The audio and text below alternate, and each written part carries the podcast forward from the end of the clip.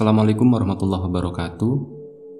Kali ini kita akan jalan-jalan ke Semarang, di mana di situ ada satu bangunan yang memang udah terkenal angker ya dari dulu, yaitu Lawang Sewu. Gue ada satu pengalaman horor di sana dan akan gue share kali ini. Tapi sebelum itu, seperti biasa, gue pengen ngucapin banyak-banyak terima kasih buat kawan-kawan subscriber semuanya yang udah bantu support, bantu dukung channel ini, dan juga kawan-kawan yang baru mampir, baru main, baru nengokin channel apa horror ini.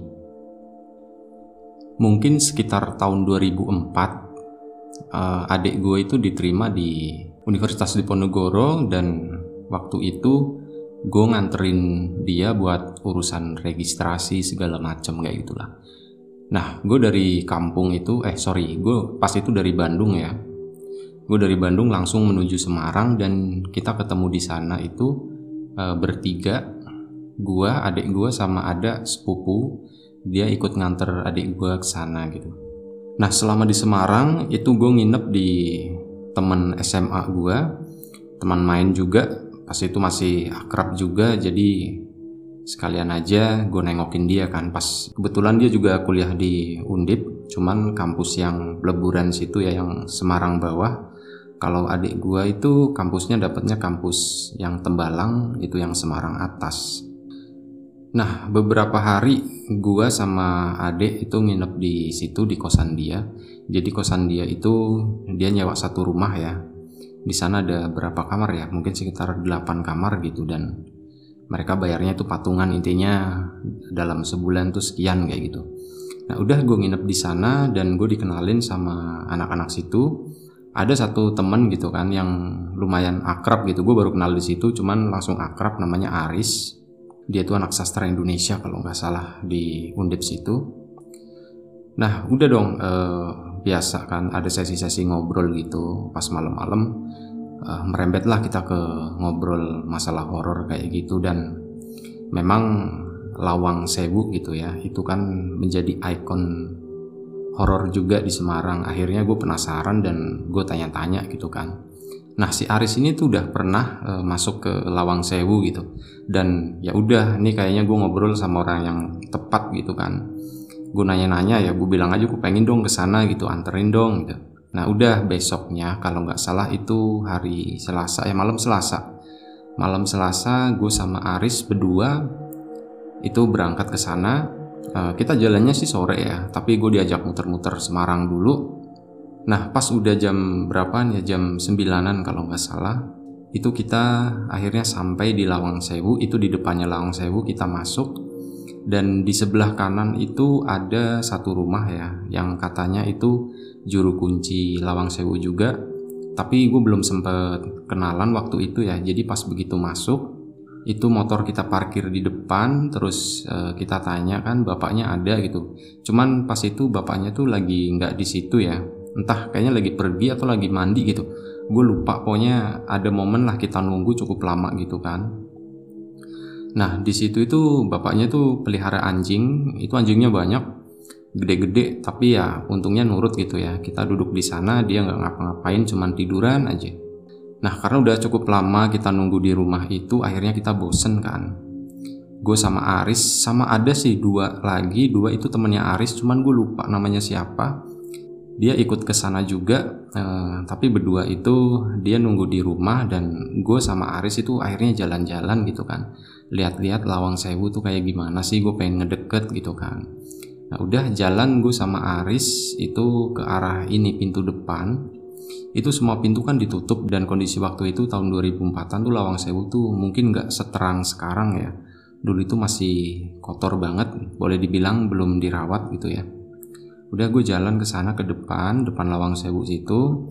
Di sana kalau nggak salah ada pohon besar sama ada tugu apa gitu. Konon tugu itu tuh di bawahnya tuh bekas apa ya orang dihukum mati atau apa gitu. Gue sendiri juga agak-agak lupa tapi bukan itu sih yang pengen gue ceritain. Nah pas uh, gue di depan lawang sewu itu gue sama Aris iseng kan nengokin dari pintu depan. Pintu depannya tuh di rantai ya tapi ada celah kayu yang kebuka situ kan. Ada celah pintu yang kebuka maksudnya. Nah kita itu ngintip dari sana ke dalam gitu dan di dalam tuh gelap banget nggak kelihatan dan emang pas kita ke situ kita ngedeket pintu itu tuh hawanya nggak enak banget. Kerasa gimana ya uh, berat uh, lembab gimana lah pokoknya nggak enak lah pokoknya. Nah udah kita udah ngelihat di dalam gitu kan kita nggak ngelihat apa-apa. Cuman itu aja perasaan yang nggak enak pas itu. Udah akhirnya nggak lama kita pun balik lagi. Pas kita lagi jalan balik itu baru berapa langkah gitu, mungkin baru 10 langkah lah. Itu tiba-tiba anjing yang tadinya tiduran di rumahnya bapak juru kunci yang di depan lawang sewu itu tiba-tiba bangun dan mereka semuanya tuh ngegonggong gitu, ngegonggong dari rumah situ ya. Oh, oh, oh gitu dan kita panik kan loh ini ngegonggongin siapa gitu perasaan kita nggak ada masalah gitu kan dia ngegonggongnya tuh ke arah kita ke arah gue sama Aris akhirnya kita cuman berdiri aja di situ kan diem kan takutnya anjingnya nyerang atau gimana. Dan bener juga si anjing itu tiba-tiba lari gitu kan lari ngedeketin kita. Semuanya tuh ada empat empat ekor. Ada yang besar tiga sama ada yang kecil satu. Sama sisanya tuh masih ngegonggong di depan rumah situ. Nah itu yang empat itu ngedeket kita. Nah kita pikir mereka mau mau ini mau nyerang kita kan. Kita udah standby siap-siap gitu. Gue udah siap oh, udahlah tendang aja deh gitu gue mikirnya kayak gitu kan. Nah ternyata di luar dugaan gitu anjing itu tuh nggak nyerang kita tapi dia ke arah samping kita. Dia berdiri di samping gue ya sama samping Aris kanan kiri gitu. Dia tuh ngegonggongin sesuatu yang ada di belakang kita. Gue nggak tahu itu gue nggak ngelihat apa apa di sana. Cuman itu tadi mungkin anjing itu matanya peka gitu ya dia ngegonggongin entahlah mungkin ada makhluk di belakang kita yang ngikutin kita gara-gara kita ngintip dari itu kali dari pintu. Mungkin gue mikirnya kayak gitu ya. Gue nggak tahu sebenarnya yang terjadi apa. Yang jelas gue nggak tahu gue cuman itu aja. Ngeliat si anjing tuh aneh banget. Dia lari tiba-tiba ngegonggongin gitu tapi yang digonggongin tuh di belakang kita yang uh, eh, gue sendiri juga nggak bisa ngelihat gitu apa itu Nah akhirnya kita terus jalan kan dan pas itu hujan pas banget itu hujan turun nah gue buru-buru lari kan ke rumah si bapak yang juru kunci itu dan nggak lama kemudian anjingnya tuh ikut balik ke kita dan ya anehnya mereka tuh tiduran lagi gitu. Mereka jadi nggak galak lagi gitu. Itu aneh banget lah pokoknya. Dan itu malam pertama gitu kan. Akhirnya kita udah cukup lama di sana. Akhirnya bapaknya tuh keluar katanya hari itu uh, beliau tuh nggak bisa nganterin karena udah ada tamu, udah ada janji gitu. Jadi intinya kita ditolak lah hari itu. Tapi ya nggak apa-apa gitu kan.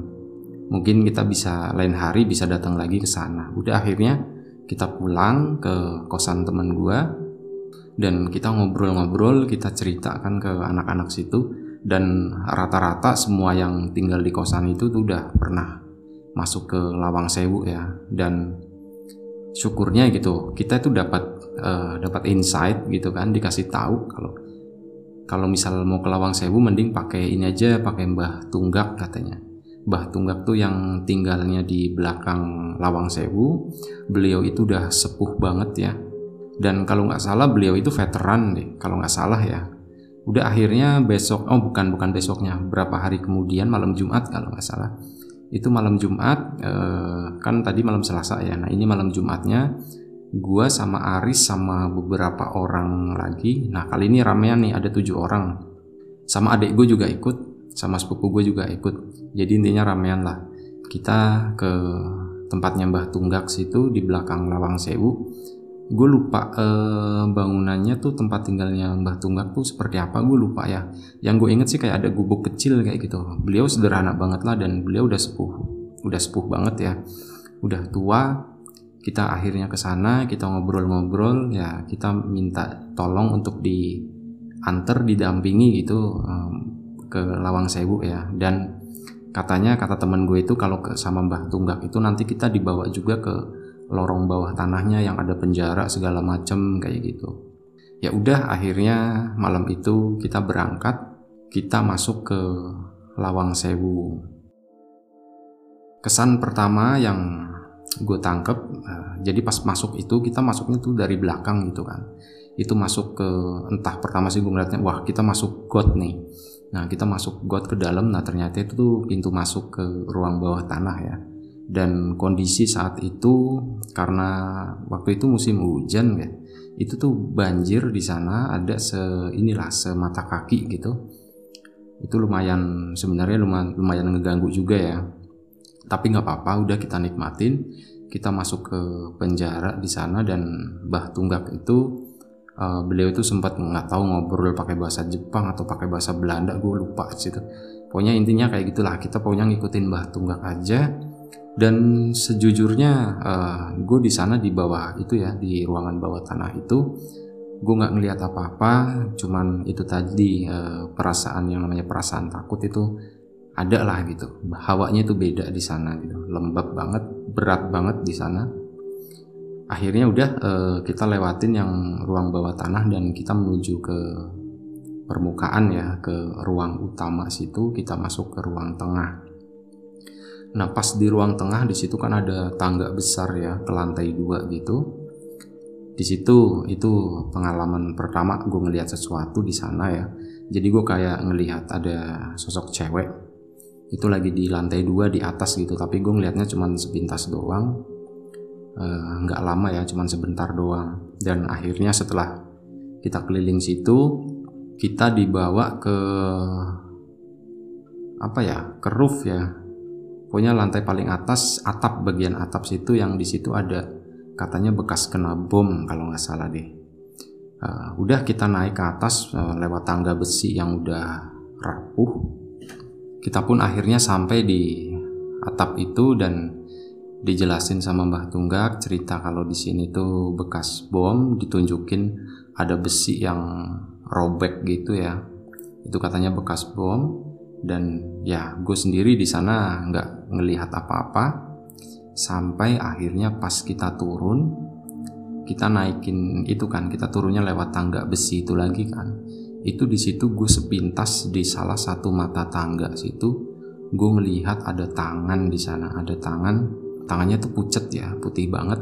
Pas itu kan gelap banget jadi gue bawa senter gue sempat senterin ke bawah.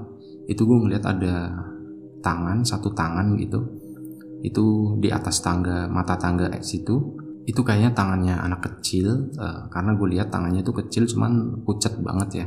Dan itu tuh gue kelihatnya juga cuman sepintas doang gue nggak lama. Akhirnya udah gue abaikan aja kan. Gue lanjut turun uh, dan kita menuju ke atas lantai dua tapi bagian luarnya bagian sisi gitu. Nah di situ kita diminta sama Mbah Tunggak pas udah di atas ya uh, di lantai dua itu semua lampu itu dimatiin jadi nggak boleh ada lampu. Udah akhirnya kita pun jalan nelusurin ruangan-ruangan itu uh, banyak pintu-pintu berjajar di sana. Nah mungkin itu kenapa disebut lawang sewu ya karena pintunya banyak banget. Bahkan ada satu pojokan yang nggak penting ya yang menurut gue itu mungkin cuma buat naruh perkakas kayak sapu atau apa gitu dulunya itu pun dikasih pintu yang ukurannya tuh sama dengan pintu yang lain Nah, pas di atas itu, itu gue ngedengar ada suara dari salah satu ruangan gitu. Ada suara orang ngobrol ya, suara perempuan sama perempuan mereka tuh ngobrol. Tapi gue nggak jelas uh, mereka tuh ngomongin apa ya. Gue cuma ngedengar suara doang. Tapi itu tadi gue cuma diem aja. Gue ngikutin udah mbak tunggak lah. Gue ngikutin semua aturan beliau ya. Jadi gue nggak mau ngelanggar apa-apa. Jadi gue nurut aja. Udah gue ikutin terus sampai akhirnya kita itu dibawa terakhir itu di bagian tengahnya Lawang Sewu. Di situ yang katanya kan ada sumur gitu kan. Dan itu katanya pusat angkernya itu di sana. Tapi itu tadi uh, gue nggak sempet masuk ke sumur karena mungkin nggak boleh ya. Jadi kita cuma dikasih tahu aja kita ngelihat oh ternyata seperti itu gitu. Udah akhirnya akhirnya kita balik keluar dari situ balik lagi. Tapi gue lupa ya keluarnya itu di mana.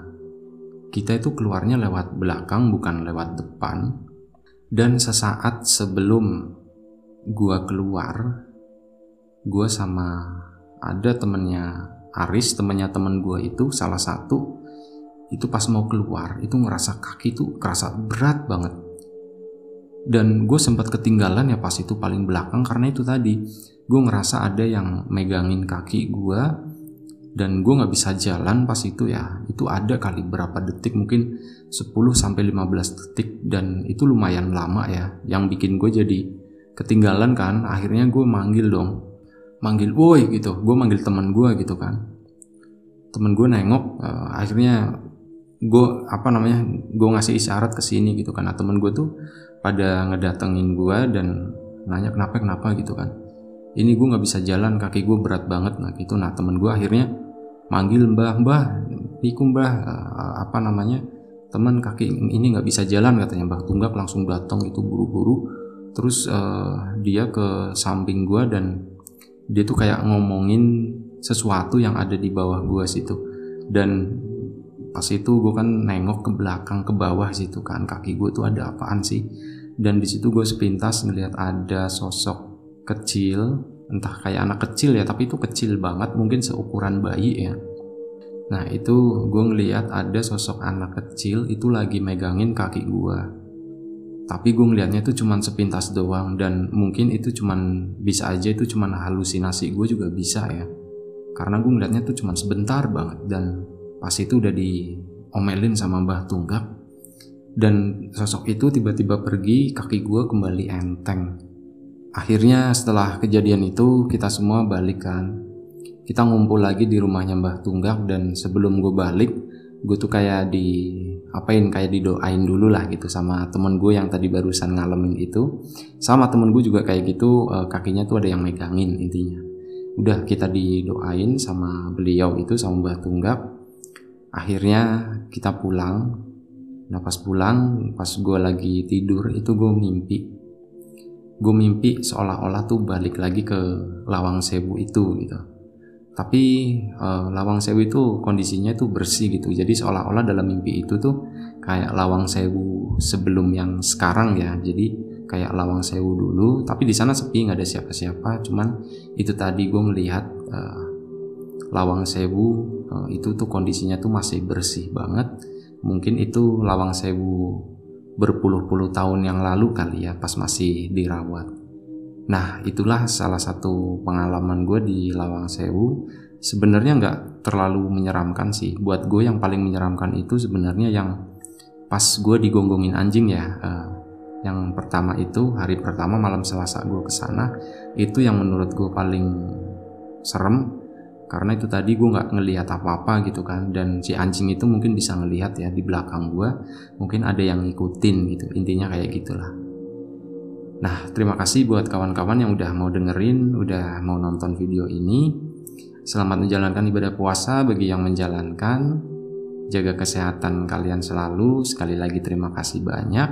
Assalamualaikum warahmatullahi wabarakatuh